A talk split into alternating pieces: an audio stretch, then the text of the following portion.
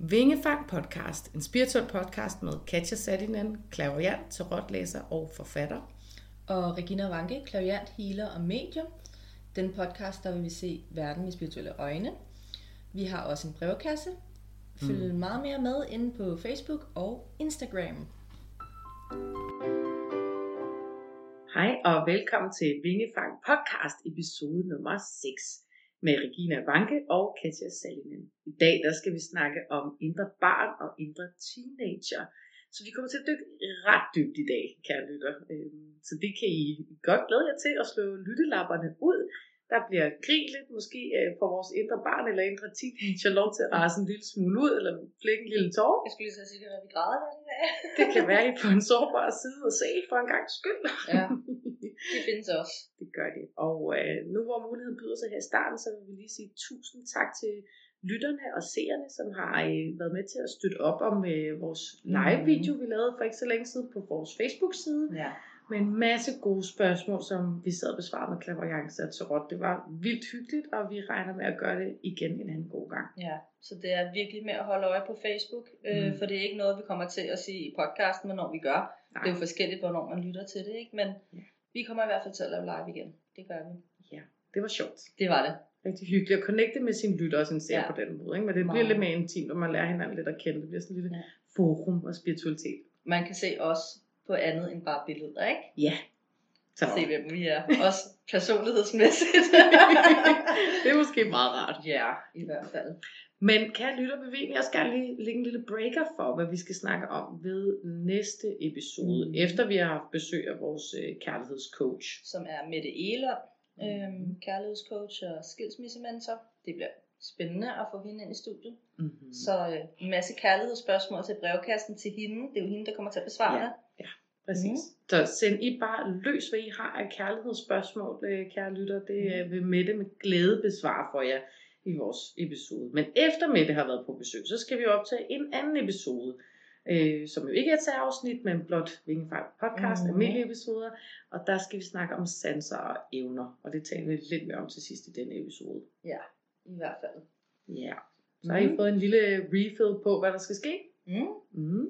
Men jeg tænker lidt, øh, vi skal lige starte med at snakke om, hvad er indre barn, og Mm. hvad er indre teenager, fordi at øh, det er to ting, der faktisk er ret forskellige, og samtidig ret ens, Mhm. øh, behovmæssigt også, ikke? Jo. Så jeg ved ikke, vil du starte ud med at forklare lidt om indre barn? Det kan jeg godt. Jamen, øh, altså indre barn, min forståelse af det i Mhm. hvert fald, det er jo vores, den lille pige eller lille dreng, der bor inde i os, Mm. som altid vil være med os på en eller anden måde. Øhm, og det, det er et barn, vi selvfølgelig kan snakke med til enhver tid. Og Altid. det her indre barn, det kan komme ind og skabe en lille smule ballade i voksenlivet, vil jeg sige. Blokeringer. Blokeringer, helt klart. Der ligger rigtig mange forskellige redskaber, når vi snakker indre barn og måde at kommunikere med sit indre barn på. Det kommer vi ind på lidt senere.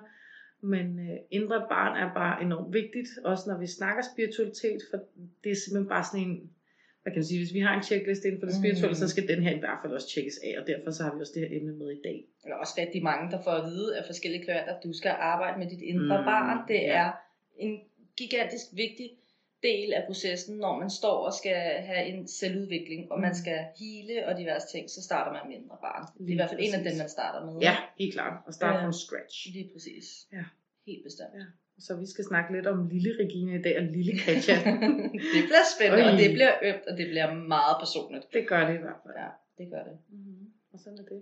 Så har vi jo den indre teenager, som faktisk ikke bliver snakket særlig meget om. Det er ikke noget, jeg støder på særlig tit. Jeg har ikke Øh, stødt på det før, du nævnte det for mig, Regina. Nej, Det har jeg ikke. Jeg har ikke tænkt den tanke. Nej, det er jo også noget, der bliver ret meget overset. Man kan jo sige sådan lidt indre barn, det handler rigtig meget om følelser.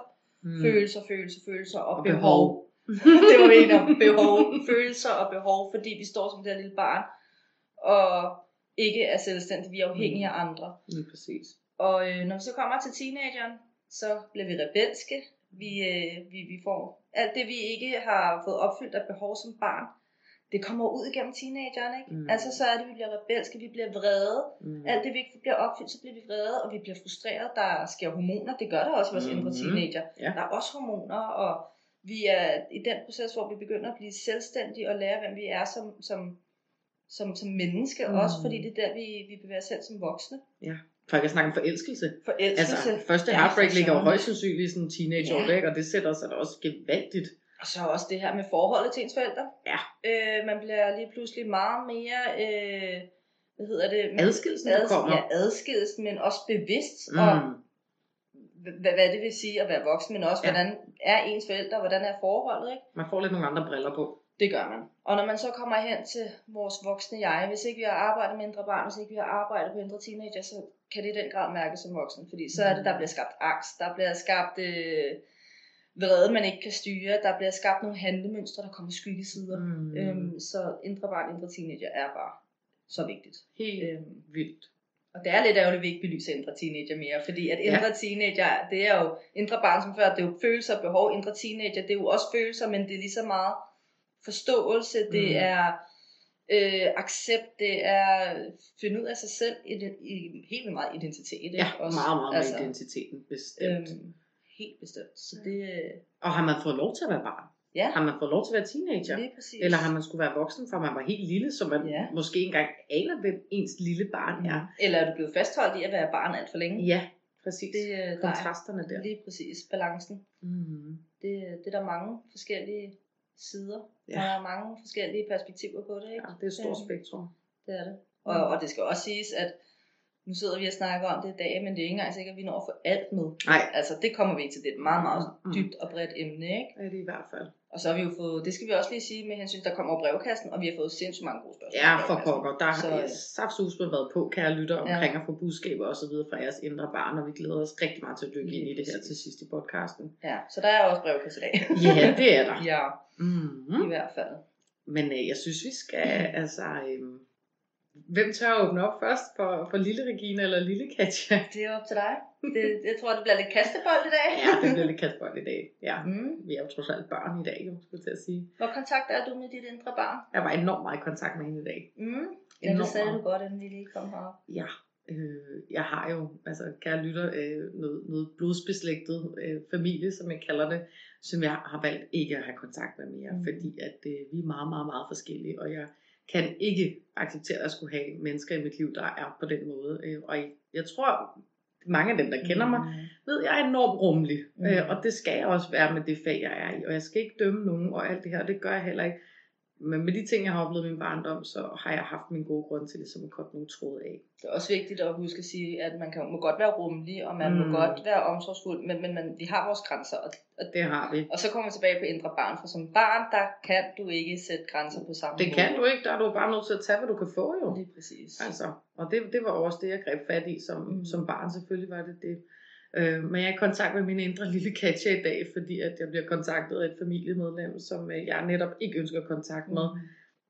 Netop grundet, at min far han ligger på sygehuset. Ikke? Og øh, der er man jo så nødt til at have en lille smule kontakt, og der, der gør jeg det også klart, at jeg ønsker kun kontakt, så længe at øh, min far han ligger indlagt. Mm. Øhm, og kunne godt mærke mit indre barn. Hun var rasende. Hun havde lyst til at hive fat i det her menneske og råbe og skrige hende ind i ansigtet.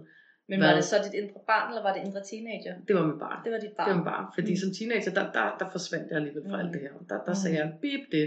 Ja. Øhm, og så tog jeg totalt afstand til det hele. Ikke? Ja. Øh, men mit indre barn blev meget ufærdigt behandlet. Mm. Og det gjorde min søsters bestemt også dengang.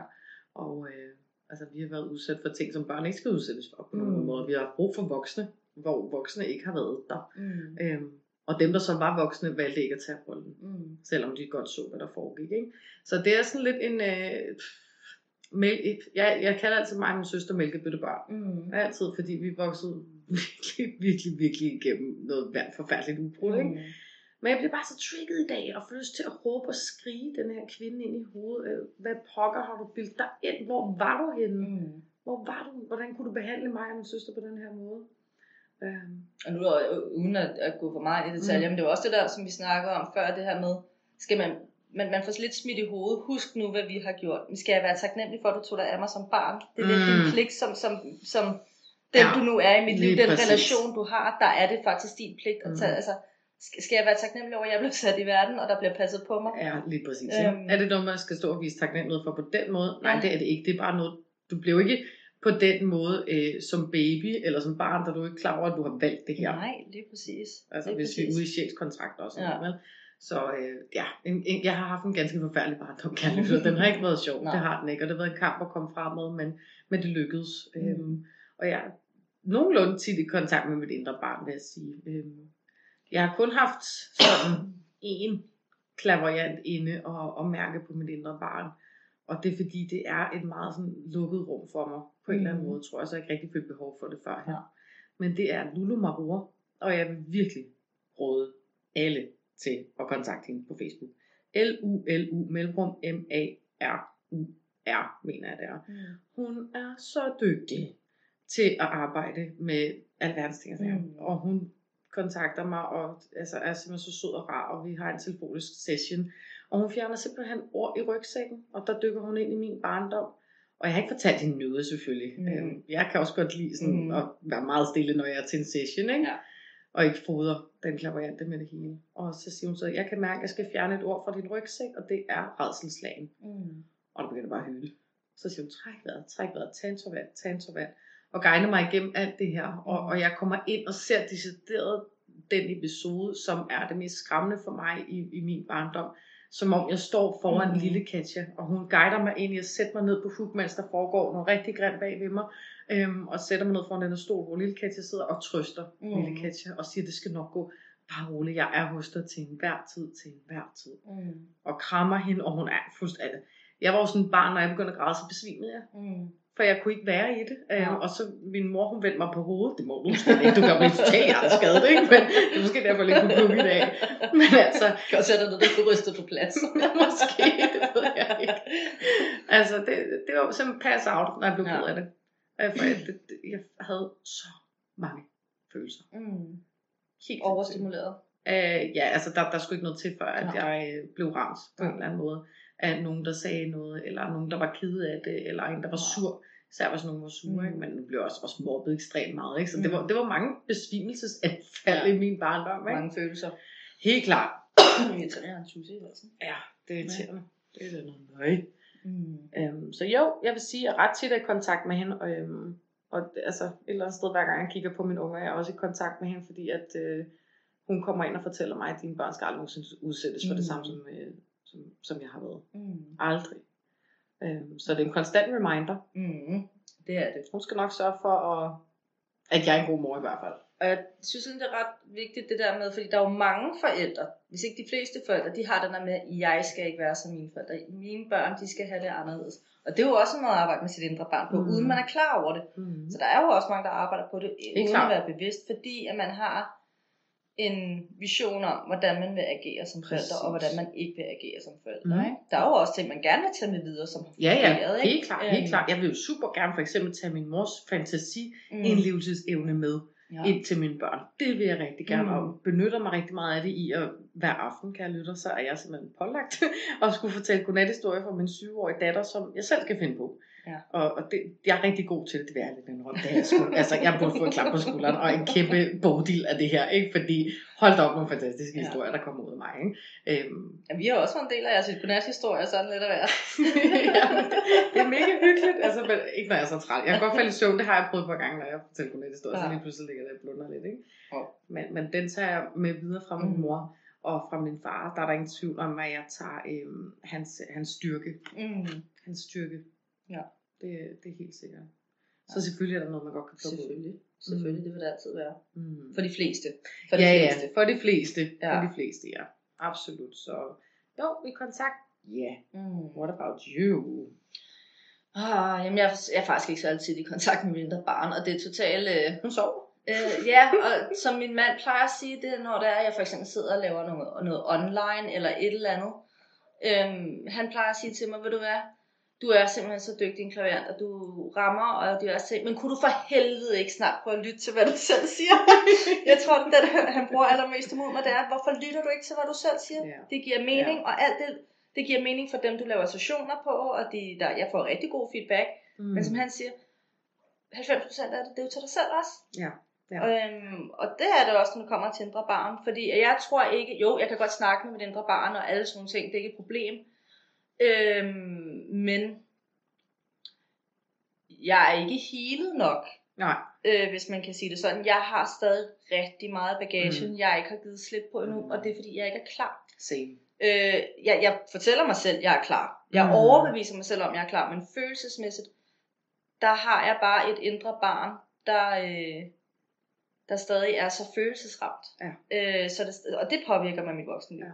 Og det kommer for eksempel... Øh, jeg har også haft en, øh, og det, og det er sådan lidt svært, fordi at øh, min barndom, den plejer jeg at sige, det er øh, hver sin side af medaljen, Ja. hver sin side af mønten. På den Ja. ene mønt, eller på den ene side af mønten, der har jeg haft en fantastisk barndom. Mm. På den anden side af mønten, der har jeg haft en ikke særlig rar barndom. Mm. Ikke? Øhm, jeg har også set ting, jeg ikke skulle se. Jeg har også været udsat for ting, jeg ikke skulle være udsat for. Øhm, det er ikke nogen hemmelighed, at jeg har kontakt med min biologiske far. Og øh, mm. min barndom der, den har ikke været rar. Øh, øh, min biologiske far elskede mig, der var ikke nogen tvivl om det. Og jeg elskede, elsker min biologiske Mm. far enormt højt. Men der har været så meget svigt. Øh, og en af, hvad jeg altid kan huske, så jeg skulle tage ansvar også for min biologiske far. Øh, Ja, så også voksen, ikke? Også som voksen jo. Jamen, altså Øh, hurtigt blevet voksen. jeg, jeg, jeg er blevet meget hurtigt ja, voksen. præcis. Jeg tror, vi Øh, begge to er der, hvor vi er blevet hurtigere voksne, end det tid, vi har fået lov til at være børn i hvert fald. Lige præcis. Øhm, og også hvis man spurgte mig som barn, hvad vil du være, når du bliver stor? Jeg vil være mor. Ja. Ja. Jeg, har, jeg har ikke brug for at skulle være alt muligt. Jeg vil være mor. Mm. Og det var det, jeg ville som barn. Ja. Der skulle jeg bare være mor og have min egen unger. Mm. Øhm, og jeg har altid kunne tage mig vare på andre børn. Jeg har passet børn og diverse ting. Øhm, Mm. Men mit indre barn, jeg er nok ikke øh, nok kontakt med hende. Jeg giver hende ikke nok omsorg, fordi at i mit voksne liv, der fylder det rigtig meget. Jeg stadig skal give rigtig meget omsorg til alle mulige mennesker. Ja, lige præcis. Så det skal øhm. være, når Øhm. du mærker, at der er ro Ja. nu, til at jeg Lige kan præcis. dykke ind her. Øh, også i mit voksne liv, øh, jeg kan stadig ikke finde ud af at sige nej, vel? Øhm, Mm-mm. Og øh, jeg elsker at være der for andre mennesker. Jeg elsker at være der for min familie og sådan ting. Men jeg har svært ved at mærke, hvornår at jeg har brug for at trække mig fra det. Mm. Øhm, og, og det havde, havde jeg også som barn. Der, der kunne jeg ikke trække mig fra det, kan man sige. Vel? nej. Derfor kommer der en, en ubalance her, nu hvor jeg er voksen, fordi jeg ikke lærte at sætte den grænse som barn. Mm. Til gengæld, når vi så bevæger os over den indre teenager, Mm.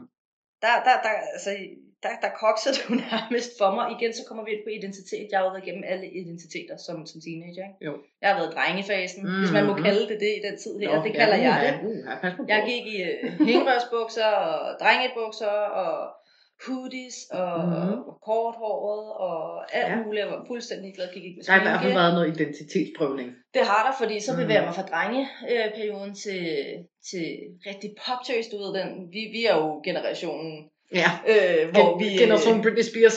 ja, ja, DRG bluser og den der foundation oh, mus og Ej, ja, er concealer på læberne og Don't forget it. key, eh, keychains med Louis Vuitton og Mm. drengene havde spikes og bukserne ned Ja. tennisstrøm. Altså det er den generation, Yes. vi er, ikke? Er Så der var jeg lige en, øh, en, en lille dulle i en årgang, Mm. og så øh, blev jeg emo på fuld smadret. Ja, Så tog en regning. Sort hår, øh, Ja. ja. nitte armbånd, nitte halskæde.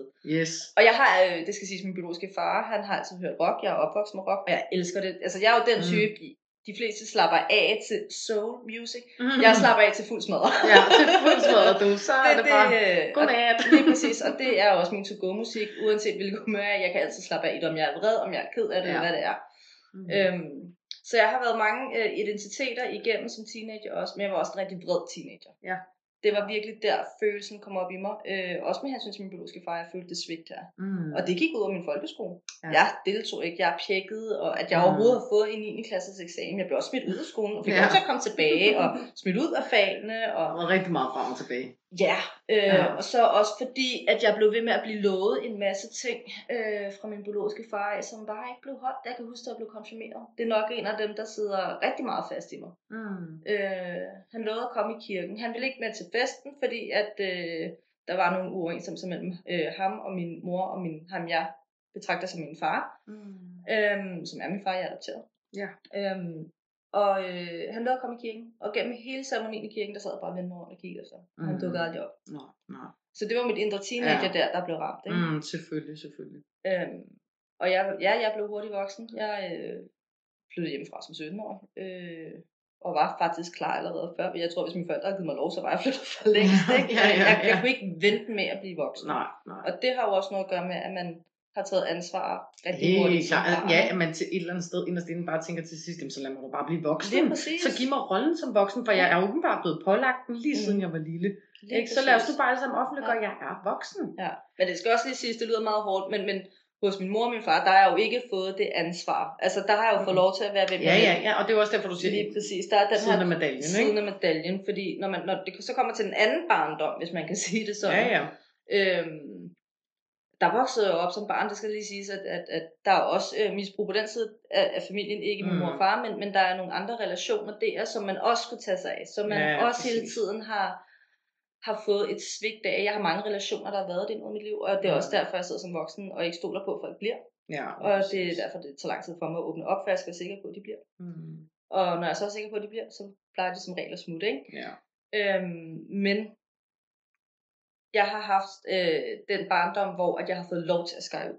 Ja, ja. Så kommer vi tilbage med, hvor lang tid man bliver fastholdt i barndommen. Jeg, Mm. jeg fik lov til at få piercing, og jeg fik Mm. lov til at gå med sminke, og ja. øh, gå med det rigtige undertøj, hvor at mange af de andre, de blev bare fastholdt i den her børnerolle, mm. og Mm. ikke måtte noget. Ikke? Jo, jo. Og der kan jeg godt se i dag, når jeg kigger tilbage med dem, jeg kender, som er blevet fastholdt i den her barnerolle, deres liv nu, ikke? uden at tale ondt om nogen, Mm. men det kokser jo. Der er Mm. rigtig mange af dem, hvis liv kokser nu, fordi de simpelthen blev fastholdt. Ikke? Ja, ja. Øhm, og der var også mange af dem, som ikke måtte lege med mig, fordi uha, Ja, ja, præcis. Ja, ja. jeg var ja, et dårligt selskab, ikke? hvor at deres ja. børn nu sidder et Præcis. sted i livet, og ikke er kommet videre, hvor jeg er trods alt færdig med min nummer tre uddannelse om et år. Ikke? Jo, lige nøjagtigt. Øhm, så jeg vil, Mm. det, det vil jeg tage med fra min, for, eller fra min mor. Øh, Mm. det er det der med, mine børn skal have lov til at vokse og finde ud af, hvem de er. Ja, for pokker da. Øhm, helt klart. Det er det vigtigste. Ja. Ja. Det vil jeg også sige, det er det vigtigste at give plads til. Jeg, jeg fik ikke selv plads til som lille. Altså, Nej. jo, hjemme hos min mor. Mm. Men saftsus med ikke hos pappa. Nej. Nej, men min far var også en anden dengang, end Mm. hvad han er nu. Altså det er han helt klart. Og der er rigtig mange ting, han ikke selv kan huske. Mm. Og sådan nogle ting. Øhm, jeg vil sige, angående mine teenageår, det, øhm, altså jeg interesserer mig enormt tidligt for kærlighed. Mm. Og for drenge, og for Mm. kys, og for sex. Det gør jeg også. mm, meget tidligt, Ja. og øh, for tidligt. Jeg ønsker ikke, at mine børn nogensinde skal ud i sådan noget i sådan en ung alder. Overhovedet, de skal lære sig selv og deres grænser at kende først forhåbentlig, Mm. mm. men det er, hvad det er, og øh, det er ikke noget, jeg skal sidde og græde snot over den dag i dag. Altså, for Nej, jeg har selvfølgelig nej. lært rigtig meget af det, men mange knuste hjerter i løbet af mine Mm. teenageår. Øh, men rigtig, rigtig mange traumer også. Altså, og Mm. der, er- altså, jeg tror, det traume, der står mig stærkest i mine teenageår, der er jeg 17.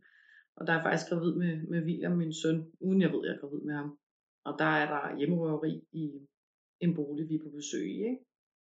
Øhm, med maskerede mænd og pistoler og knive og alt muligt Mm. sindssygt. Og, øh, og jeg bliver bedt om at blive siddende i den her stol her med, med kniv for struben, ikke? Mens min familie og min bror på 10 blandt andet bliver truet ned på gulvet med den her pistol her, og det var fuldstændig sindssygt. Mm. Altså, det er noget, sådan noget, man ser på film. Mm. Øh, og vi var fuldstændig skrækslagende alle sammen, og altså, det føltes seriøst, som om man skulle skyde i Mm. bukserne, og det mener jeg. Mm. Hold da op. Øh, og stod på i 45 minutters tid eller sådan noget. Og så tog de afsted bagefter, de blev selvfølgelig aldrig fundet. Der bliver sjovt nok aldrig gjort nok ved sådan nogle sager. Nej, aldrig. Det er også derfor, at jeg altså, i en meget, meget, meget ung alder, jeg tror, jeg var syv år gammel, da jeg mistede min tro til autoriteter, Mm. mm. kommuner, regioner, mm. sygehuse. Fordi jeg har råbt og råbt og råbt og råbt og råbt og skrevet og alt muligt. Øh, fordi jeg vidste, jeg havde brug for hjælp, eller min familie havde brug for hjælp. Mm. men der er aldrig nogen, der har gjort noget. Mm. Og heller ikke her er der engang. Så, Nå. altså, jeg er færdig med at kontakte politi og sådan noget. Ja. Det, det nytter ingenting. Heller ikke det udsat for seksuel overgreb, nytter det natter nul og niks. Mm. Det, det har aldrig kunne hjælpe mig. Så også derfor har jeg, tror jeg på sådan ubevidst slash bevidst plan, valgt at gå i en meget alternativ retning. Mm. Netop med det fag, jeg er med i dag, som jeg aldrig nogensinde vil give op på. Mm. For jeg skal ikke ind og sidde Mm. På en kommune og sådan ting. Og så det er ikke fordi, jeg siger, der sidder dårlige mennesker overhovedet, for jeg ved, der er rigtig mange, der knokler røven ud af bukserne for at klare den ene sag efter den anden. Jeg har bare kun mødt ekstremt dårlige Mm. oplevelser, og det har min familie i hvert fald også. Så jeg ved udmærket godt, der sidder traumer der, men jeg føler, altså nu bliver jeg jo mordag lige da jeg fylder 18, ikke? så jeg føler ikke, jeg har haft så meget teenage-tid. Nej. Altså, det- jo, det, men meget af det, det gik op i druk Mm. og has og, og, Ja. og sex og Ja. alt muligt, og virkelig, åh, det var sådan, jeg rasede ud, ikke? Mm. Jeg stak af fra min far, da jeg var 12 år gammel, og så gik jeg ikke i skole i et helt år, øh, fordi at det hele det kunne rende mig. Mm. Og så kommer han og henter mig og, og hiver mig i ørerne et år efter og siger, nu er det slut det her show, Cirkus Bennevej, se hos din mor. Ja. Ikke? Og så blev jeg jo smidt på en privatskole ude ved Roskilde, som jeg absolut ikke var særlig glad for. Mm. hvor vi kun var fem elever i klassen ude ved Sankt Hans. Ikke? Ja. Så jeg følte mig rigtig crazy.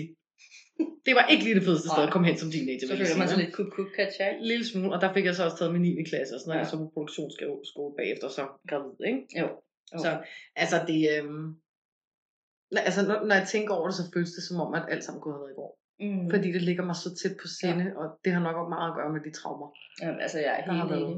Øh, Jeg var selv tidlig ude med, med kærligheden. Og igen, det kommer nok af alt det her med at gerne vil, vil være mor, for eksempel. Jeg fik min allerførste kæreste som 12-årig. Mm. Eller jeg havde haft børnekærester inden der. Men Ja, ja, det første seriøse forhold fik jeg allerede som 12-årig. Ikke? Sammen her. Øh, og vi var sammen i 8 måneder. Mm. Og så øh, gik vi fra hinanden. Og så finder jeg en ny kæreste. Vi var sammen i 3,5 år. Mm. Og så går vi fra hinanden. Så Jamen, finder det- jeg en kæreste. Jeg har et lavet nøjagtigt samme du ligesom dig. Ja. Fra den ene til den anden, til den næste, til den tredje, til den fjerde, til den syvende, ikke sådan kunne lide det der med at være alene. Og jeg tror også, det har, når man sidder og tænker over det, Mm. har rigtig meget at gøre med, at man har været meget alene som barn indeni. Måske har der været mennesker Mm. omkring. Jeg har følt mig ensom i hvert fald, i mine følelser. Jeg har haft min Mm. søster, ja, men hun var også noget Mm. yngre end mig, og jeg skulle tage mig rigtig meget af hende og alt det her. Men, men alene på en eller anden måde. Så den her tryghed og den her bekræftelse, man ligesom kunne få og opmærksomhed i en kæreste i sådan en ung alder, det var jo guld værd. For mig, der tror jeg bare, at det var den her med, jeg kan bare godt lide at være i et forhold. Det kunne, altså dengang, Mm. ikke? Altså jeg elsker at være i et forhold. Jeg var sammen med ham i en 3,5 år, så går vi fra hinanden, så jeg sammen med en i et år. Og det var der, jeg flyttede hjemmefra. Mm. Og fik lov til at være voksen. Og han du- var en kæmpe idiot, ikke? Ja. Altså det... Hvad er længste singlepause så? Nu bliver jeg nysgerrig. Ja, men så går mig og ham her fra hinanden. Øh, han smider mig ud, og det var også et kæmpe traume i sig selv. Jeg, var lige, jeg havde rykket min pæle op fra Stævns, hvor jeg bor, flytter til Næstved. Mm. Det er rimelig langt væk. Jeg havde kun en veninde dernede, så havde jeg ham. Hans svigerfamilie kunne ikke lide mig. Ja. Øh, det skal siges, at hans storebror var kæreste med min søster. ja, så det er jo meget sådan... øhm, og han vælger at smide mig ud, fordi at hans far ikke kunne lide mig. Så hans far havde givet ham valget. Enten slår jeg hånden af dig, eller så går du fri hende der. Så Ja. jeg bliver smidt på gaden med alle mine ting. Mm. Og jeg gik, i- jeg har igen på grund af barndom og på grund af teenageår, jeg har svært ved at kontrollere Mm. mit temperament. Jeg kølet fjernbetjening af hovedet på ham. Jeg gik Ja. ud på, i snevejr på strømbesok, og jeg var rasende. Så han ringede efter min søster og sagde, du bliver nødt til at hente hende. Det var crazy, Hun er Regina. fucking sindssyg, mand. og hun drønede fra Haslev ned og hentede mig og sådan nogle ting. Mm. Så, øh, så ville jeg være en led bitch, og det var jeg. Og jeg gik tilbage til min ekskæreste, jeg var sammen med i 3 år, for Mm. jeg vidste, det kunne ramme ham. Mm. Troede jeg. Han blev ikke ramt. Mm. Og min anden ekskæreste, det gik ikke igen. Nå. Det gik ikke første gang, hvorfor skulle det gå anden gang? Det er også lidt karma til dig på en eller anden måde, det der. Det er det. Ikke? Det er det. Ja. Og så øh, går jeg så fra ham, og så er jeg single i et halvt år. Og så tænker jeg, prøv no way. Nu er det slut. Nu er det slut, nu er det slut. Mm. Jeg har, jeg har altid haft, at jeg skal have mine børn, inden jeg er 25. Hvis ikke jeg finder mand i mit liv, så får jeg dem alene. Det Mm. kan jeg godt. Mm. Øhm, og jeg er single i et lille halvt års tid, og får tilbudt lejlighed i Næse, så flytter jeg jo så ind til mine forældre på sofaen, fordi at øh, jeg bliver smidt på gaden. Mm. Og så flytter jo den her flotte, flotte mand ovenover. Og han var jo noget ældre end mig, jeg var kun 18, han var 26, så jeg tænkte, der er ikke nogen chance, jeg kan godt kigge alt det, jeg vil. Mm. Øhm, og han begynder at snakke med mine forældre, og han bliver inviteret med til min studenterfest. Og han kunne så godt lide mig. Og vi begynder lige at lægge og give lidt med hinanden. Altså, så meget som min mor, hun skriver, er I færdige med at øh, bolle, fordi vi vil godt sove nu. og det var så Jimmy. Ja. ja. Og Som vi har du jo så været sammen med, i 11 år her i næste måned, og været Mhm. gift i siden 2019. Ja. Øhm, så jo, min længste singleperiode har nok været på det der halve år. ja, det er fandme heller ikke lang tid. det er det ikke. Mhm. Men, jeg Men der er noget ikke... jeg tænker også bare, der har vidst, at du skulle være i et forhold, altså et langvarigt forhold fra en meget ung alder, ikke? Og så Ja. er det her bare, det har jo søgt, du har du søgt og søgt og Mhm. søgt og søgt det her langvarige parforhold Mhm. fra meget unge alder, ikke? Og så er du i det nu. Jamen, vi sad faktisk også og snakkede her en dag, hvor han siger, at for jeg har jo bekymring af, at i og med, at han er de her 8 år ældre end mig, Mm. han har jo prøvet en masse ting, og han kommer fra Amager, han har været restaurantchef, han har Mm. været bartender, I kan godt selv gætte jer til det vilde liv, Mm. min meget dejlige mand har levet, inden jeg kom ind i billedet. Der kommer den lille 18-årige, Ja. ja. usikre teenager, fordi man er jo stadig Ja, ja, teenager, det så er man jo. uanset hvor meget jeg påstod, jeg var voksen, jeg var Præcis. stadig teenager. Mm. Øhm, hvor han siger, jo, med min bekymring, har du overhovedet prøvet nok? Ja, ja. Altså, hvor jeg også må forklare, at hele min drøm har været for børn. Mm. Jo, så kan det godt være, at jeg måske har søgt til, eller søgt noget øh, tryghed i de andre ting, det er dem, jeg skal have børn med. Men jeg er da så glad for, at jeg har fundet ud af, at det ikke var dem, jeg skulle have børn med. Mm. Ja, Og at, jeg, at, at det var ham, fordi at jeg er jo blevet, jeg er i den overbevisning, at jeg er blevet gjort klar til ham. ja. Ved at være i de her skodforhold, ved at Mm. øh, vokse med dem. Fordi jeg ham, jeg var forstå. sammen med i tre og et halvt år, han var ultimativt min bedste ven. Vi havde Ja, ja, det skide godt i forholdet. Mm. Øh, og, og vi voksede med hinanden, og han har også været med til at forme mig til at køre sammen med Jimmy. Mm. Til at jeg altså har er Det er jo ligesom den der. Ariana Grande sang, den der Thank You Next. Ja, Altså, det minder jo sygt meget om det. Ikke? Man er jo Jo. taknemmelig for alle de forhold, man har været i, og til sidst så er man jo formet til at være det individ, du skal være for at være i det der i den relation, du altså virkelig er skabt til at skulle være i rigtig, rigtig lang tid. Ikke? lige præcis. Med ægteskab og børn Ja. og det hele. Ikke? Så altså, Ja. vi har hver vores frygt. ja. Det har vi, men, men jeg er ikke til kun tvivl om, jeg er landet, hvor jeg skal være. Nej, Og han er min, han, er- vi er endgame. Ja, Og hvis ikke han vil være mit endgame, så bliver han det alligevel. Så laver jeg noget voodoo på ham. Eller er et du andet. bare lænket, Jimmy Boy. Ja. Der er ikke noget at gøre. Ja. laver noget voodoo. Ja. Hekseri. Det skal vi jo snakke om på et tidspunkt. Det skal vi også snakke om. Det bliver vi 100%. nødt til. Helt sikkert. Altså ja, så indre barn og indre teenager. Så vi Ja. kan høre, det er dybt, og det er Det er mange det. forskellige ting og sager. Ikke også, kære Helt lytter, og vi, vi flyver lidt rundt i det, men det er Ja. også fordi, det, altså, Det Det er bare påvirker, nært. altså, det påvirker bare sindssygt meget. Altså, mm. jeg øh, kan også øh, det her med at tage ansvar for andre. Det var også noget med, når man var hos sin biologiske far. Med de ting, jeg har oplevet. Fordi I sidder og tænker sikkert nu, og det vil jeg gøre som lytter. Hvorfor fanden greb hendes mor igen? Hvis det var så forfærdeligt Mm. hos hendes biologiske Ja. far, Ja, hvorfor greb hendes mor igen? ja, ja. Og der vil jeg godt lov til at forklare, at jeg var jo det barn, der tog ansvar. Og jeg Mhm. vidste jo godt, at hvis jeg går hjem og fortæller min mor og min far, nu skal I se, eller nu skal I høre, hvad der foregik derhjemme, og hvad, de Ja. ting, jeg ser, så vil jeg jo ikke se ham igen. Nej, lige præcis. Og man havde på en eller anden måde et meget beskyttende forhold til den mand, Jeg ikke? beskyttede ham jo alt for meget. Mm. Øh, alt, alt for meget. Øhm, Ja. Og jeg, vil, jeg havde også min farmor og farfar, og elskede dem over alt på jorden. De er jo desværre gået bort. Øhm, og jeg vil stadig, jeg vidste, at jeg stadig ville få lov til at se dem. Mm. Men bare det der med, at jeg ved, at min biologiske far ville blive taget fra mig, mm. det ville, øh, det ville gøre ondt. Ja, Øhm, og jeg vidste, at hvis jeg gik hjem og sagde det, så ville han blive taget fra mig. Ja, og så var det jo lige pludselig min skyld, han ikke var i mit liv. Mm. Men han var der jo faktisk ikke alligevel. Jeg, Ja, ja, altså, jeg kan sagtens ikke genkende sig til Ja. det. Sagtens. Min mor, hun havde en kæreste i en lang årrække, øh, og vi kunne rigtig godt lide ham til at starte med. Han var Mm. meget yngre end min mor, men, men det var nok det, der var sjovt for mig. Enormt Mm. sådan legesyr, elskede at lege med Mm. os og bygge huler og alt nu. Altså, da mine forældre er blevet skilt, Mm. da jeg er omkring syv år gammel, ikke? Øh, og han er frisk pust mm. til hverdagen, ikke? Frisk pust til familien og sådan noget. Totalt griner en fyr. Øh, men han vender et af badulmen også bare på en tallerken mm. i løbet af 0,5. Øh, pludselig vil min mor ikke være sammen med ham mere end nok, fordi hun kunne fornemme, at der var lige noget mystisk ved den her dude, ikke? Mm. Øh, og han kom med alle mulige tomme løfter. Altså, han, jeg var jo vild med Pokémon, da jeg var barn. Mhm. Jeg havde en kæmpe Ja, Pokémon-samling af kort, ikke? Jeg elskede Og det var det gamle Pokémon. det var det gamle mig. Det var så fedt. Altså, nøj, der var, det blev der bare pladet i mange timer over i Toys R Us dengang. Ja.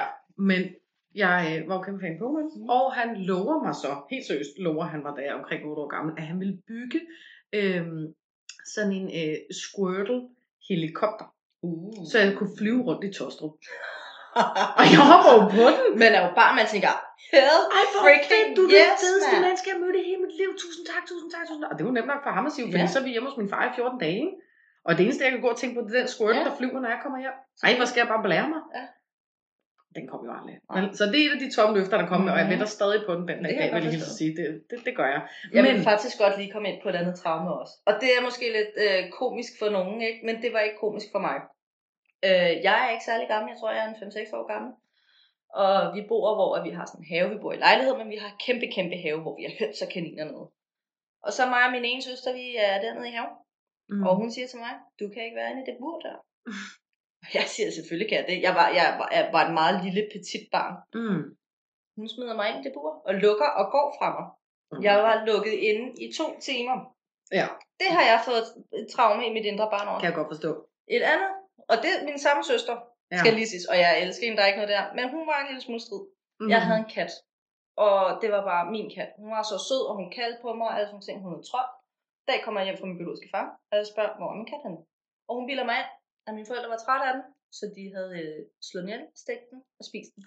Hvor var den henne? Den havde spist svampe fra en potteplante, og bare var død. Nå, den var død. Ja, for det var sådan en svampe, der havde vokset som platfond, men den ikke på tåren.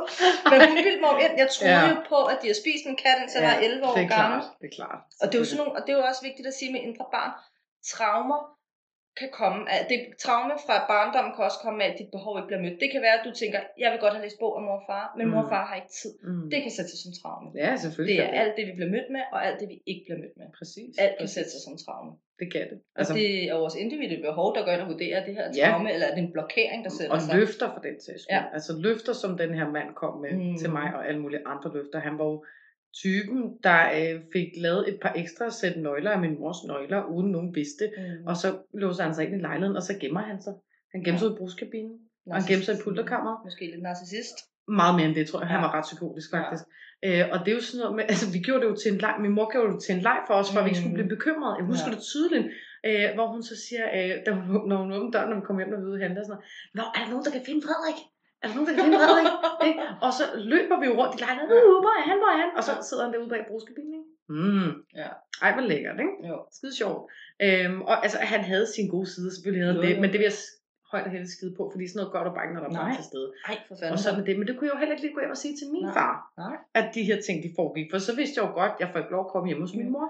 Og der var jo allerede noget der med, hvordan, altså hvor Ja. man skulle være der, ikke? Ja, altså, der var absolut. allerede nogle forholdsregler der, ikke? Jeg så også tænkt på før, øhm, du, du nævner noget med det her med, øh, hvad man gerne vil. Du vil gerne være mor. Altså du har altid mm. haft Mhm. en tanke om, det er jo ikke jobmæssigt, men du vil bare gerne være mor. Mhm. Jeg drømte om det, jeg var lille pige, at være skuespiller. Mhm. Og det var min største drøm. Jeg gik til auditions og Mhm. optog, optog film og alt muligt halløj. Lykkedes ikke noget af det. øhm, og jeg, jeg har sådan lidt to ting i mig omkring barndomsdrøm. Mhm. Min barndomsdrøm omkring at være skuespiller, når jeg tænker tilbage som voksen, så er det 100% fordi jeg lærte at have en maske på. Mhm. Jeg har lært at spille så meget skuespil, Mhm. da jeg var barn. Jeg var sindssygt på med smilet. Mm. På med smilet. Hele Ja, tiden, ikke? ja. Eller lær at være ked, og lær at være sur og alt det her, og projiceret utrolig mange forfærdelige ting ud på mine stakkels Barbie-dukker. Altså hold da op, hvor har de Barbie-dukker bare været udsat for ufattelig meget klamt, ikke? Puh, og Sims, for den Ja. sags skyld. Ja, det, det kan jeg altså godt stadig. Og kæft, hvis jeg bliver træt af den ene, ikke også? Du skal bare dø. ikke særlig spirituelt, sorry. Overhovedet ikke Men mine spirituelt. simmer, de lider altså. Det gør de. Man, man er nødt til at få sit raseri på en eller anden måde. Men så bevæger han sig hen i teenageårene, så får jeg lyst til at blive journalist. Mm. Så der kan man allerede se vendingen der. Det er ikke mig, der er i centrum. mm. Det er en anden, der skal være i centrum. Jeg skal øh, spørge nogen om noget. Mhm. Det skal ikke være mig, der står og fortæller ud af mig. Nej. Så der bliver nok en del indlukket ikke? fra at gå og være totalt i centrum. Se mig, se mig, se mig, se hvad jeg kan. Og sådan bare må jeg også. Mhm. Se mig, hey, kig. Så er du også løve. Ja, ja. Så er jeg også løbet. Og så Det er du også selvfølgelig også noget, jeg skulle have sagt. Det har det da. Øh, men samtidig så har jeg da sådan lidt, kan vide, om det har formet mig til at være så komfortabel med at sidde for kamera i dag. 100 det har. Altså, Jeg er ikke et sekund i tvivl. Nej. Det har det. Og det er jo det samme her. Jo, jeg vil gerne være mor, og det vil jeg jo som barn. Da jeg så bliver teenager, fordi at jeg har det her k. Jeg, mit teenagerliv, det var en tornado. Det har været fucking kaotisk følelsesmæssigt. Mm. Og det ved alle i min familie. Jeg havde det enormt svært som teenager. Der var Mm. ikke identitetskris, fordi jeg fik lov til at udforske Ja, ja. ja. men følelsesmæssigt, holy shit, jeg var et, Mm. jeg var et brag, ikke? Var der noget, der Øhm. triggede det, eller havde du det bare sådan? Øh, det var min, at jeg aldrig vidste, hvem der var i mit liv eller ej. Ja. Og så specielt min biologiske far. Han har, Ja, ja, altså, han har virkelig været et anker i mit liv til, at jeg Mm. bare blev, altså ikke har kunne bevæge mig, og jeg bare blev holdt fast, ikke? Jo.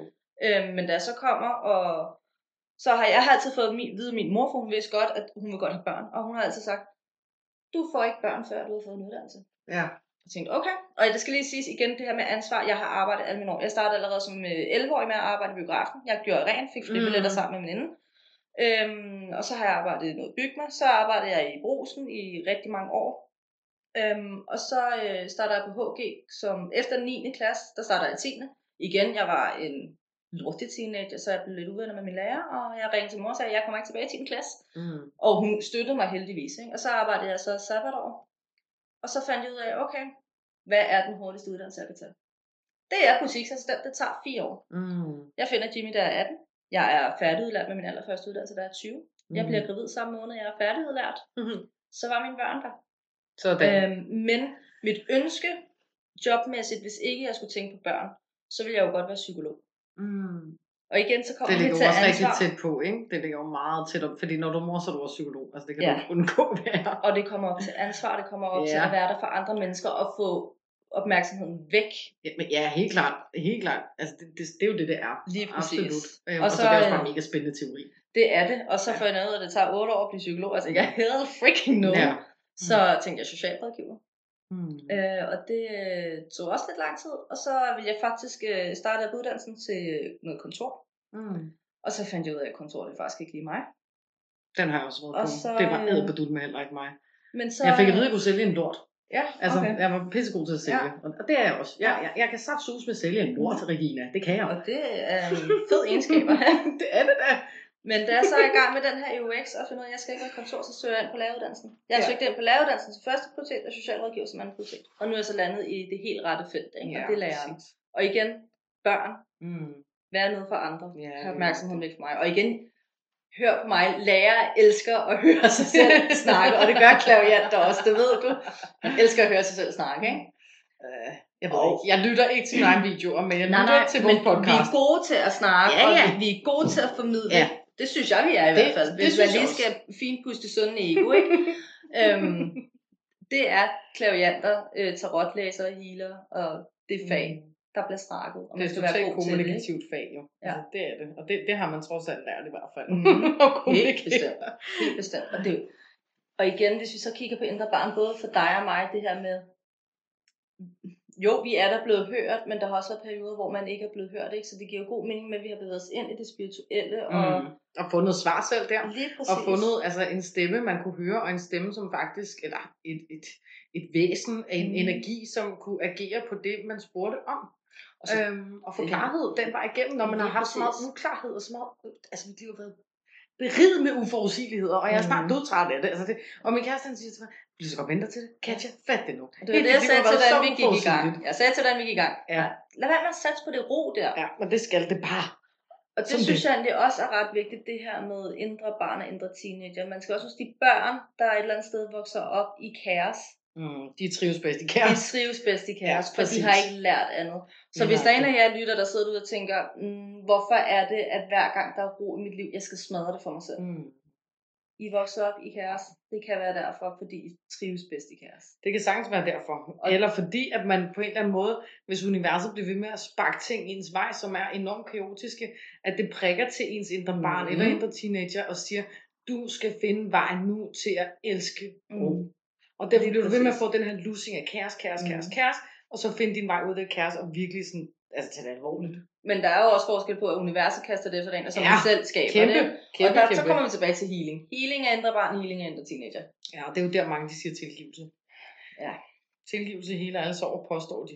Ja. Men der, der er jeg den overbevisning af, jo, tilgivelse er enormt vigtigt, men Ja. ja. du skal tilgive for din egen skyld, og ikke for den anden. Jeg tror også nærmere, man skal kalde det forståelse. Ja. Altså ærligt, fordi tilgivelse det er sådan et stort ord. Det er saft, som man også gøre sig fortjent til. Der er bare nogle mennesker, Ja. der fortjener at blive tilgivet. Ja, men, men du bliver også nogle gange nødt til at tilgive for din egen skyld, og ja, ikke for ja, ja. personen. Så er det så fint, hvis det er den vej Ja. igennem. 100, den er helt med på. Det har jeg også gjort masser af gange. Mm. Men nogle mennesker, no mercy. Ja. Hvis man, hvis man igen hiver i pædofili.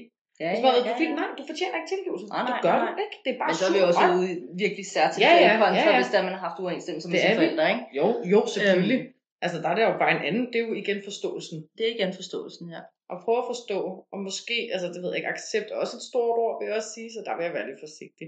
Men jeg synes, vi skal komme lidt over i nogle, nogle gode redskaber. Mm, ja, for vi kan blive ved med at snakke om Det her. kan vi. Vi kan blive ved, og vi kan blive ved. Og Uh, vi der er meget at fortælle. Hvis I ja. har nogle spørgsmål til vores barndom, så send en besked. Ja, I spørger bare derudad. vi kan blive ved hele aften, tror jeg. det tror jeg også. Men jo, redskaber og gode råd øhm, til, hvordan vi kan hele, hvordan vi kan arbejde med det, hvordan, hvad vi kan gøre. Altså jeg vil allerførst sige, kontakt Lulu Maror. Og det er ikke fordi, det skal være en reklameannonce overhovedet. Hun har engang bedt om det her, men det er simpelthen egen erfaring, hvor meget Mm. det kunne forløse hende mig. Jeg er slet ikke, hun er slet ikke færdig med at arbejde med mig overhovedet. Vi skal have fjernet masser i min rygsæk. Mm. Men, men det er en fed måde at gøre det på, fordi den er så abstrakt. Den er Mm. så anderledes, og den er så billedlig. Så hvis man er sådan en, der arbejder bedst i visuelle billeder, så kunne man bestemt godt gå ind og gøre Mm. sådan noget. Øhm, og hvis man skal gøre det selv, så er der jo et, et hav af metoder. Der er masser af metoder.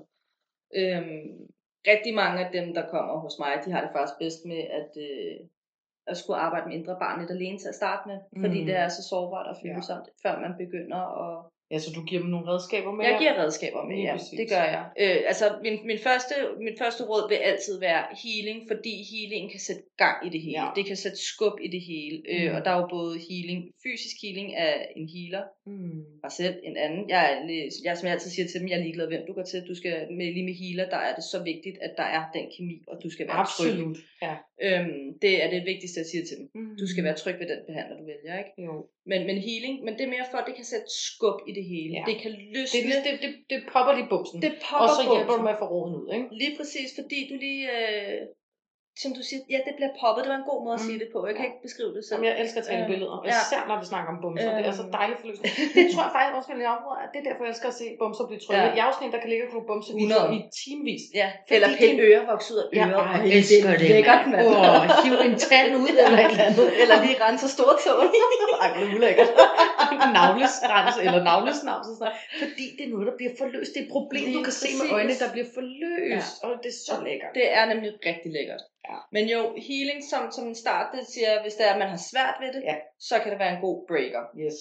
Øhm, og jo, ellers er der jo masser af selvredskaber også jo. Ja. Og det er jeg jo også sikker på, at du også har. Der er jo masser Ja, af selvredskaber. 100 procent. Altså det er, jeg har det sådan lidt, øh, hvad hedder det, øh, det er også igen ritual i min bog, og den hører faktisk til i juni måned. Mm. Øh, jeg kan den i hovedet. Det er vist noget med, at du skal skrive et brev til dit indre barn. Mm. Øh, et kærligt brev, som du skriver som voksen. Mm. Og det kan man jo gøre på hvilket som tidspunkt. Men i og med, at vi er i juni måned, vi er i tvillingsæson lige nu, det er alt med barnet. Mm. Ikke? Og det er også derfor, at din kære mand, han er jo også tvilling. Mm. Han kan være totalt legesyg. Mm. Og jeg er i tvivl om, at han har en fed fantasi, når det kommer til stykket. 100. Og min mor, hun er tvilling. Hun er også, altså igen, fantasien, legesyg. Tvillinger er bare mega gode til det. Så det er- skal vi suge til os nu. Ja, og hvis der er en, der er legesyg i vores forhold med hensyn, altså også det der med ungerne, Ja, ja, med at kunne lege med dem, præcis. så er det altså ham. Jeg elsker Ja. mine børn, men hold Ja. kæft, hvor er det kedeligt at sidde og lege med dukker. ja, og han kan jo sagtens være totalt indlevende i sådan noget. 100. Ikke? Det er fantastisk ved tvilling, og det skal vi Ja. suge ud den her sæson. Så faktisk et godt råd at komme med nu til her til juli måned, når vi får en fuldmåne på et tidspunkt. Mm. Øhm, at skrive brev til dit indre barn fra dit voksne jeg. Mm. Øh, alt hvad du er ked af, alt hvad du ønsker godt for dit indre barn, og hvordan du har det i dag. Og at du vil gøre alt i din magt for, at du får det godt på grund af mm. dit lille barn indeni. Ikke? At du ligesom giver, sender et løfte afsted. Så bagefter et par dage, øh, altså lige efter du har skrevet brevet, gem det endelig, eller brænd det, gør hvad pokker du vil med det, hvad du nu synes, du passer. Kig dig selv i øjnene, lav noget spejlmeditation. Øh, og snak til dit indre Mm. barn. Snak, snak, snak, snak, snak. Få, Mm. få den hed frem. Ja. Ikke? Ja, det synes ja, jeg godt Jeg er også altid en kæmpe sokker for spejlmeditation. Og det der med at Mm. snakke med sig selv gennem spejlet. Mm. Øhm, jeg plejer, når det er folk, de kommer og... Hvordan gør jeg? Og det kan være skidesvært. Det er, Mm. eller, det, det er ikke nemt. Mm-mm. Øhm, og det kommer også an på, om du er... Kan vi snakke med om næste gang, så altså evner kommer an på, Ja, ja, hvilken sats, der ligesom øh, dominerer hos en. Ikke? Selvfølgelig. Øh, men hvis du for eksempel er visuel, så er jeg også helt klar med at visualisere dit, dit, dit, dig selv foran dig som barn. Mm. Øhm, hvad rummer ind i dig lige nu? Er det fra da du var fire år? Er det en Mm. oplevelse fra da du var syv år? Lige så snart du at tage fat i det problem, og tage Mm. fat i det indre barn lige i den alder. Lige præcis. Øhm, Sidde med et billede måske, hvis du ikke er så visuel, Ja, lige ikke? præcis. Og så, mm. så. Det lyder hårdt, og det er hårdt indre barn, men gennemgå de følelser her. Mm. Find ud af, hvordan føles de som voksne. Mm. Hvilket behov havde du egentlig som, lige præcis i den her situation, og så giv dig selv det behov. Ja. Var det et kram, du havde behov for? Præcis. Var det at for at vide, du var god, eller var det for, var det for at vide, du, du var elsket? Mm. Så er det den vej igennem. Find ud af, hvilken følelse du havde lige nu og her i den her situation, der rører sig. Ja. Og så mærk på det behov, og så Yes. giv dig selv det behov. Mm. Øhm, Vær den voksne, du aldrig havde. Og det er sådan der, mindre barn. Ja. Det skal være den voksne. Øhm, og det, be- det betyder ikke, at man har haft en dårlig barndom, eller man har haft dårlige forældre. Men igen, vi alle sammen har et indre barn, barn der har manglet et eller andet, mm. eller har haft for meget af et Mm. eller andet. Præcis. Øhm, så det er ikke er lige med dårlig barndom Nej, nej. overhovedet. Øhm, og så øh, vil jeg også altid sige, øh, meditation, meditation, meditation. Gør det, inden du går i seng, øh, hvor du øh, øh, mediterer gennem dit indre barn. Hvis det er Mm. svært visuelt, eller hvis det er svært bare at meditere generelt, så findes der så mange videoer på Ja, YouTube. det gør der. YouTube er et fantastisk Ja. redskab til det her. Og øh, guided meditation. Altså, jeg, har, jeg er en af dem, der har svært ved at meditere. Ja, Det har jeg. Men hvis det er en guided meditation, så bliver det nemt for mig. ja helt klart. Så, så skal det være en guided meditation. Ja. Og dem findes der et hav af på YouTube. Det gør der. Jeg har selv lavet en uh, spejlmeditationsvideo tilbage, for nogle år tilbage, som ligger inde på Astrokuglen inde på YouTube, hvor altså, jeg simpelthen forklarer, Mm. hvordan og du laver spejlmeditation. Ikke også? Og det, det har fungeret skide godt. Mm. Ja, så det, det kan man bestemt Mm. også bruge, når man skal i kontakt. Ikke? 100 procent. Så, ja. 100 procent. Og det, det samme gør sig jo gældende med indre teenager. ja, for pokker. Det, det er samme redskab. Altså, Ja. det, øh, Jeg så også tænkt nu her, det kunne, hvis man har en bamse, eller et stykke Mm. tøj, eller et eller andet, for man har været barn eller Mm. teenager, og sidde med det imens. mm, 100 procent. Det, det giver jo nogle følelser, og det giver jo også noget nostalgi, og nogle, Ja. et behov, og man mindes, og, og sådan nogle ting, ikke? Ja, og hvis, altså, hvis man har været udsat for det, man kunne kalde en tough childhood, med meget svigt og sådan noget, så vil jeg også sige, altså decideret at tage snakken Mm. med de involverede. Ja. Altså simpelthen Ja. få kortene på bordet, inden det er for sent, Ja. øh, og få sagt, for uden at behøve at skælde ud på en eller anden måde, men bare ærligt, hvad du har på Mm. hjerte, og hvad, hvad dit perspektiv er af tingene. Men det jo også lige så meget, for det er usagt, der skaber blokeringer. Det, det sætter sig direkte i halschakret og Ja. solar plexus, og eventuelt også hjerte, ikke? Jo, jo. Altså det skaber blokeringer, hvis, hvis der er noget, der er usagt, der egentlig er behov for, der bliver kommer ud, ikke? Og det betyder ikke, at I skal have et forhold efterfølgende. Nej, nej, nej, nej. Øh, Mhm. men jeg vil til hver tid sige, hvis man vælger at gå den kommunikative vej, husk ydmyghed. Ja, ja. Fordi hvis det kommer ud i en overbalance fra dig, eller fra mig, eller fra hvem det nu er, så bliver der skabt noget ubalance generelt i energien. Det skal Mm. mm. komme ud i den helt rette energi, for at der bliver skabt noget. Og det er også derfor, der er rigtig mange, der skriver breve til deres forældre. Mm. Mm. Fordi at, at- at det, det er simpelthen, man ved, man vil komme til at koge over. Mm. Mm. Fordi det trigger så... Altså vores forældre er nok vores største triggers. Mm. Mm. Ved at våge ud i at sige. Ikke? Vores partner og vores forældre. Men også vores børn. Ja, det er ikke mine unger. Nej, vil sige, mine unger, de trigger mig ikke. De trigger mig til at være bedre. Jo, jo, jeg kan godt, for eksempel den store, hun minder utrolig meget om mig. Mm. Og hun kan godt trick mig, fordi at hun minder om mig som barn. Mm. Derfor kan der godt være trigger i hende. Ikke fordi, at jeg elsker hende mindre, for det gør jeg ikke. Men der er nogle ting, der godt kan trigge mig, fordi hun minder så meget om mig. Mm. Så hun, hun tvinger mig til Mm. at face mig selv. Hun tvinger mig til at se på mig selv og mit Mm. indre barn. Ja. Den er værd at tænke over. Øhm, og og det ved jeg, altså mange af de klienter, jeg i hvert fald har haft, Mm. det, de har det sådan. Med, med, eller ikke mange, men jeg har haft nogen inden, der har det sådan med, at ens egne børn, de godt kan trigge ind, fordi man bliver facet i sit Mm. eget. Ja, det kan, jeg kan sagtens sætte mig ind i det, for jeg kan også se sygt meget mig selv i begge mine unger. Mm. Mm. Absolut. Williams mega sensitiv side. Den spejler Mm. mm. sig så meget min egen sensitivitet, som der er blevet lagt låg på i mange år. Min datters opmærksomhed. Mm. Mm. Altså det, hun er den lille skuespiller, Mm. mm. ikke? Øh, og hun får lov til at være det. Mm. Mm. Og hun får lov til at lege sanger ind og danse og alt det. Der kan jeg også sagtens selv spejle mig i det. Men, men det føles ikke som triggers. Og Nej. det tror jeg fordi, at, at jeg ikke selv er blevet set som Mm. mm. barn. Så jeg gør alt i min magt Mm. for at, at se Mm. mine unger. Ikke? Jo. Hvor Jeg skal jo heller ikke behyde sig, at jeg ikke ser Naja. Nej, nej, men, ikke på den måde. Slet ikke, slet, slet Men ikke. Jeg tror der er bare nogle ting, det. hvor hun gør, hvor jeg tænker, øh, og det er jo fordi, jeg bliver facet af mig selv, ikke? Ja, præcis. Som er tvunget til at vende kiggeren lidt Ja. indad. Lige præcis. Og det er det, jeg Mm. mener med trigger, fordi jeg bliver facet i mig selv. Der er noget at arbejde med. Mm. Mm. Det er der 100%. Det har vi altid. Der er ikke nogen, der ikke har noget at arbejde med. Og jeg tænker bestemt også, når vi får besøg af kærlighedscoach Mette, så kommer vi jo også til at berøre blandt andet sådan noget som kærlighedssprog. Mm. Og hvordan det kan altså, påvirke for barndommen, Mm. mm. den måde, man måske er blevet behandlet på, versus hvordan du snakker kærlighed i dag. Ikke? Lige præcis. Det bliver så spændende. Ja, meget. Vi glæder os helt vildt. Men jeg tænker, om vi skal hoppe videre til vores brevkasse. Det skal vi. Så er vi kommet til denne omgangs brevkasse, og vi har nogle rigtig gode spørgsmål. Tusind Mm. tak for alle sammen endnu en gang. Jeg ved ikke, om øh, jeg skal starte, eller hvad? kan du gerne. Så finder det lige frem. Det skal lige siges, at vi har hivet færdigt tre spørgsmål i dag. Ja. et øh, Katja besvarer, et jeg, Regina besvarer, og et vi besvarer fælles. Ja, præcis. Mm. Jeg har et spørgsmål her, men, øh, men hun vil gerne være anonym, og jeg står lige på det lille syngeskål.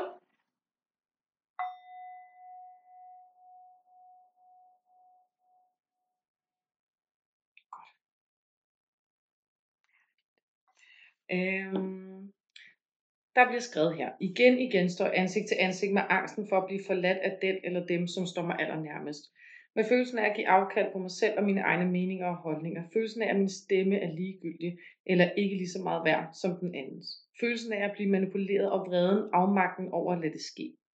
Mit spørgsmål er, er det relationen, jeg står i, altså personen, jeg er i forhold med og elsker, eller er det mit indre barn, mit indre svigtede barn, der spænder ben? Mm. Og den tager jeg med til rotten. Mm.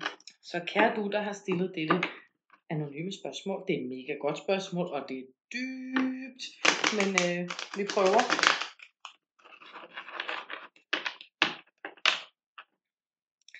Da, da, da.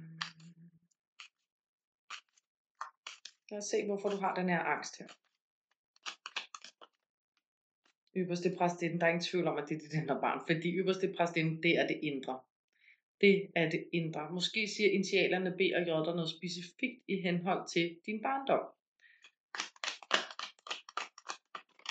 Din ni svær bekymringer og angst. så, og søvnløse nætter og mareridt.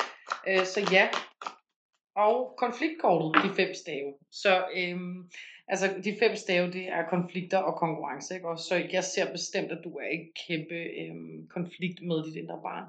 Og, øh, og det selvfølgelig er dit indre barn, der på en eller anden måde, altså det er ikke dit indre barn, der spænder ben for dig, sådan vil jeg ikke sige det, men det er følelser fra dit indre barn, der går ind og spænder ben. Så der skal 100% noget healing til her.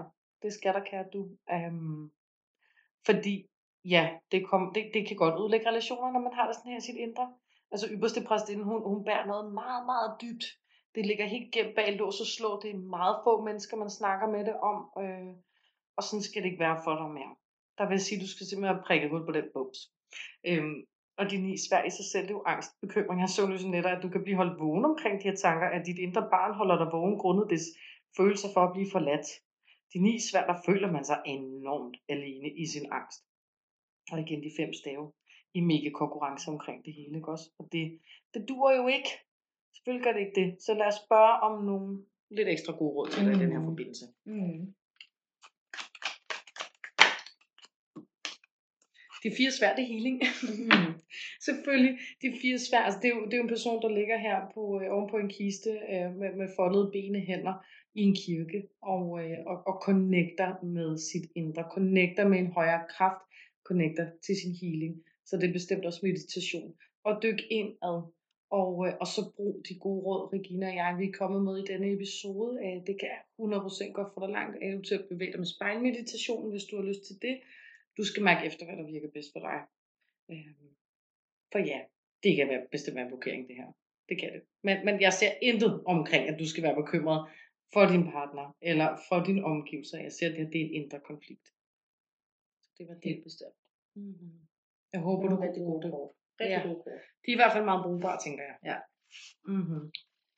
Øhm, og så har vi fået et spørgsmål fra en anden skøn kvinde og hun skriver, hej I to skønne damer fra Stævns. Jeg er i et natterforløb, fordi min kære fortid stadig rumsterer i mig. Det er så galt, at jeg til tider reagerer ud på mine forældre, når de er på besøg, grundet de svigt, jeg oplevede fra deres side af gennem barndommen. Da min storesøster var de barn, der råbte højst. Jeg forsøger at visualisere øh, lille mig, kramme hende og fortælle, at der skal gå, at hun er stærk, og hun skal forblive i det, for fremtiden kommer til at være hård mod hende. Men når hun en dag slipper sig selv fri og flytter, vil hun indse, at det var det værd. Det er bare som om, der ingenting hjælper, for når jeg ser hende, græder hun uhemmet og stadig. Kan I høre se, hvad hun fortæller? Kan I berolige hende? Hjælpe hende? Kære lytter, øhm, som du kan høre, så har vi allerede været inde på rigtig mange gode råd til, hvordan vi øh, kan arbejde på det her. Det jeg mærker, det er, at øh, det, for det første vil jeg sige, at det er så fint, du visualiserer øh, lille dig, øhm, og, og krammer hende og fortæller, at alting nok skal gå. Øhm, det jeg mærker, det er, at øh, lige dit lille barn har ikke brug for, at hun skal være stærk, eller hun skal forblive stærk. Øh, det er ikke der, det er ikke det, hendes behov er lige nu. Hun har, hun har et behov for, at der bliver taget sig af hende, at hun, hun kan få lov til at falde sammen, og hun bliver grebet. Øhm, så det er egentlig det, jeg vil frem til, det er, at i stedet for at fortælle, at hun skal være stærk, og hun skal forblive det, så er det der, du simpelthen skal bære hende. Mm. Du skal tage hende op, du skal bære hende rundt. Hun se på hende som helt nede toddlerstadiet. Mm. Godt være, at du visualiserer dig selv som 7-8 år, men du bliver nødt til selv at bære hende op, for hun, hun kan ikke være stærk lige nu. Hun kan ikke øh, forblive stærk, når hun har de her følelser. Hun har brug for at vide, at når hun ikke er stærk, så er du stærk for hende. Mm. Øhm, så, så stadig kram hende og fortæl, at alting nok skal gå, men, men de, lige nu, der føler dit barn ikke, at det altid nok skal gå. Øhm, hun har brug for at blive borget, hun har brug for at blive elsket, holdt op, øh, passet og plejet, som, som, ja, som den her lille toddler, der faktisk ikke kan noget selv. Øh, og jeg ved godt, det lyder enormt hårdt, og måske ikke lige det, du har brug for at høre, men, men det er altså det, jeg mærker. Jeg synes, det lyder helt fantastisk. Ærligt talt, jeg synes, det er et vanvittigt godt råd. Ja, det er øhm, vildt. Altså, du, du anerkender jo også og mærker, at hun skal have lov til at være ked af det. Ja. Det er ikke noget med, at hun skal være stærk lige nu. Hun skal have hendes favn at falde i, voksne hendes favn at falde mm. i, eller have et netværk omkring sig på en eller anden måde, som griber hende. Lige præcis. Og det er også derfor, hun stadig græder uhemmet. Mm. Øh, det er fordi, hun kan ikke være stærk. Mm. Det, det er umuligt for hende lige nu at være stærk. Mm. Så du skal skabe et, røv, et trygt rum for hende, hvor hun ikke behøver at være stærk. Fordi du er den stærke for hende. Fordi at det var det, du havde brug for som barn. Det var, at der var nogen, der var stærke for dig. Og du kunne falde sammen fuldstændig grædefærdig. Måske være hysterisk og sparke i gulvet og alle de ting. Det var det, du havde brug for. Og det var det, du ikke fik lov til. Så det, det er faktisk det, dit barn har brug for. Indre barn. Det giver Ja. mega god mening. Jeg er sikker på, at lytteren eller Ja. spørgeren synes. Jeg håber i hvert fald, det giver mening for dig. Mm. Ja. Meget spændende. Mm. Skal vi tage den sidste? Den prøver vi at tage lidt fælles her. Ja. Ja. Um, det er en Karina, og hun skriver, Hej Regina og Katja, dejligt at lytte til jeres podcast. Tak for dem. Det var så let. Mm. Jeg kunne godt tænke mig at få et budskab fra mit indre barn, hvis der er noget, måske finde en blokering for barndommen, som begrænser mit selvværd og hjælper tvivlen på mig selv og mine beslutninger i mange henseelser. Mm. Mm. Lad mig se den. Ja. Vi så kigger med.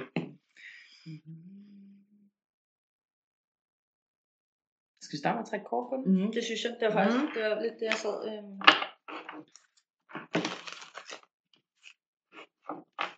Lad os kigge. Okay. Der sidder en blokering angående din mor. Mm. Der sidder en blokering angående din mor. Vi har The Empress, øh, som er moder jord. Og så har vi øh, Ace of Pentacles, som er penge, og det er nye begyndelser og fysisk godt helbred. Så jeg ved ikke, om din mor var meget syg, da du var barn, eller om der var ting, hun bare ikke kunne formå. Øh, og at der derved ligger en blokering. At du, du kunne ikke få nok på en eller anden måde. Der var ikke nok at give til dig i en eller anden forstand her. Øh, lad os kigge lidt nærmere. Jeg kunne da godt få en følelse af, at øh, økonomien spillede rigtig meget ind Ja. i barndommen, at øh, måske midlerne ikke var så store. Det tror jeg, du er helt ret i. Mm. Mm. Øh, vi har de ni stave, som er den sårede kriger. Det er en, der er syg. Og så har vi de tre svære i bunden, som er det knuste hjerte. Det kan både være hjertestop, men bestemt også hjertesorg. Mm. Og sådan treparts øh, drama, øh, som, som sover en utrolig meget. Så jeg ser, at hvis, altså blokeringen sidder i dit hjerte. Der er ingen tvivl, den sidder direkte mm. i Mm. hjertet. og, øh, og dit indre barn har, har brug for moderkærlighed. Det er ikke faderkærlighed, søsterkærlighed. Det er moderkærlighed. Og det er stabilitet. Jeg skulle lige til at sige stabilitet. Ja. Og et trygt rum. Ja, præcis, Ja. præcis. Stabilitet. Øh, det er ikke så meget det der med at rende rundt øh, og være øh, sådan mega legesyg Mm, mm, og alle de her men ting. det at er være de faste sikret. rammer. Vær sikret. Ja, præcis. Ja. Være sikker. og det kan også godt være, at det du oplever meget sådan i dit voksne liv, at altså, det kan simpelthen blive sikkert nok på en eller anden måde. Ja, man higer hele tiden. Og måske ja. er bange for at tage chancer, fordi hvad sker der, hvis jeg tager mm. den her, Mm. så ryger helt lortet på gulvet. Ja, Mister jeg alt, hvis jeg tager den her Ja. chance? Det er for usikkert. ja lige præcis. Ja. ja. Så der er selvfølgelig noget med her, at, altså en måde at arbejde sig ud af det på. Mm. Det er helt klart fokus på hjertechakra. 100. Absolut, fordi det sidder lige der, og det er Mm. sådan, hjertet det banker en lille smule for hurtigt, mm. vil jeg Mm. også sige, på grund af de bekymringer, der ligger i det med blandt andet økonomi, faste fundament, faste rammer og sådan noget. Jeg mærker også, at der er nogle muligheder, der man går glip af. Ja. Øh, og det går ud over hjertet. Mm. Og det kan Mm. både være kærlighedsmæssigt, relationsmæssigt, øh, generelt i livet. Fordi der er den her Mm. usikkerhed for stabilitet, der er nogle muligheder, man går glip af, og det går simpelthen ud over hjertet. Ja. Der, er nogle, der er nogle følelser, der ikke er i balance og intakt. Helt klart. Ja. Altså med de tre svær, øh, kære lytter, det er et hjerte med tre svær i, det er jo blokeret. Man er nødt til at hive de her svær ud, altså smerten, Mm. lad hjertet bløde for en stund, eller et godt stykke tid for den sags skyld, og forstå det og hele det. Mm. Ikke? Så, så, så bliver det healet sig selv. Det kan ikke hele, så længe de her traumer, de sidder i hjertet. Nej, det kan ikke vokse sammen, så længe der er hul i. Nope. Så det, øhm, Det er i hvert fald det, vi har fra tarotten her. Altså, mm. det er, der er ingen tvivl. Moderkortet er det første, der forlod, så der er ingen tvivl om, at det er noget omkring din mor. mærke, der er et eller andet, man skal... øhm, Det jeg mærker lige med det her kort, som øh, De ni stave. lige præcis, jeg skulle til at kalde det ni svært, det er det jo ikke. Mm. Men, men jeg mærker et eller andet, at, at det er som om, at du rigtig gerne vil vende ryggen til noget, Mm. Men du kan ikke. Mm. Og det lider nok tilbage på moren, ikke? Altså, mm. der er Mm. et eller andet her i den her relation, du et eller andet sted rigtig gerne, dit indre barn, eller indre teenager, rigtig gerne vil væk fra. Mm. Men du bliver holdt fast på en eller anden måde. Og det er der nogle relationer, der er så kraftige, de gør, at de simpelthen holder en fast. Helt klart, og tynge meget frygt. Mm. Altså, den, den her ni stave person er jo mega bange. Mm. Og så skal vi lige huske, at det ligger ved siden af moderen, ikke? Så Ja. spørgsmålet, har været lidt bange for din mors handlinger? Eller bange for, hvad din mor kunne formå, hvad hun ikke kunne formå? Ja. Bange for hendes helbred? Mm. Hold da op. Ja, den blev lidt dyb. Ja, det den blev lidt dyb. Det må man sige. ja. Jeg håber i hvert fald, det kunne bruges Ja. til det sidste spørgsmål her. Mm.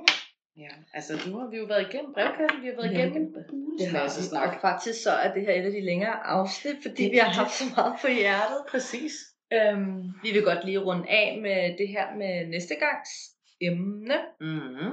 Øhm, og det er jo sanser og evner. Ja. Og det er jo her, vi vil komme ind og snakke om, hvad er sanser? Hvad for nogle sanser findes der? Mm. Og hvordan kobler vi sanser til de evner, vi har? Mm. Hvordan kategoris- kategoriserer vi dem? Ja. Øhm, Hvad har gør- du af evner? Ja. Hvad har jeg evner? Lige præcis. Mm. Og, og hvad står stærkest? Vi alle sammen har evner, men hvad dominerer? Øh, hvilke farver går mm. Mm. at dominere i dine sanser og evner og betydning? Og, Ja, Så det bliver også et super spændende emne. det gør det i hvert fald. Og der kunne vi jo nok godt tænke os nogle, nogle gode spørgsmål angående det. Det kunne for eksempel være, at du har et, et, et så easy peasy spørgsmål, jeg skulle til at sige, som hedder, hvad er min evne? Har jeg en evne? Mhm. Ikke? Ja, Hvad for hvordan- en sans skal jeg være mere opmærksom på lige nu? Hvordan arbejder jeg med mine evner? Mm. Hvordan forstærker jeg mine sanser? Forstærker Præcis. mine evner? Mm. Øh, Det er meget, det er nogle rigtig gode spørgsmål. helt bestemt. Mm. Så øh, vores opgave til jer, kære lytter, det er spørgsmål til Mette Elund, som kommer. Ja. Øhm, en masse kærlighedsspørgsmål. Mm. Vi har allerede skrevet lidt på Facebook om, hvad det for eksempel kan være. Ja. Det er handlemønstre. Mm. Handlemønstre til en selv, kærlighed til en selv, kærlighed til partner, Kærlighedssprog. kærlighedssprog, ja. Øh, Ja. alt med kærlighed. Alt med kærlighed. Vi glæder os helt. Ja. Vi kommer i hvert fald til at stille nogle spørgsmål. Det gør vi. Det er helt sikkert. Og det er kun Mette, der kommer til at besvare brevkassen. Ja. Og så til næste episode, sanser og evner. Også spørgsmål dertil. Præcis. Så Mm. tusind tak for at lytte med til indtil nu, kære lytter. for søren da. Det har været så hyggeligt. Ja, det må have en dejlig dag.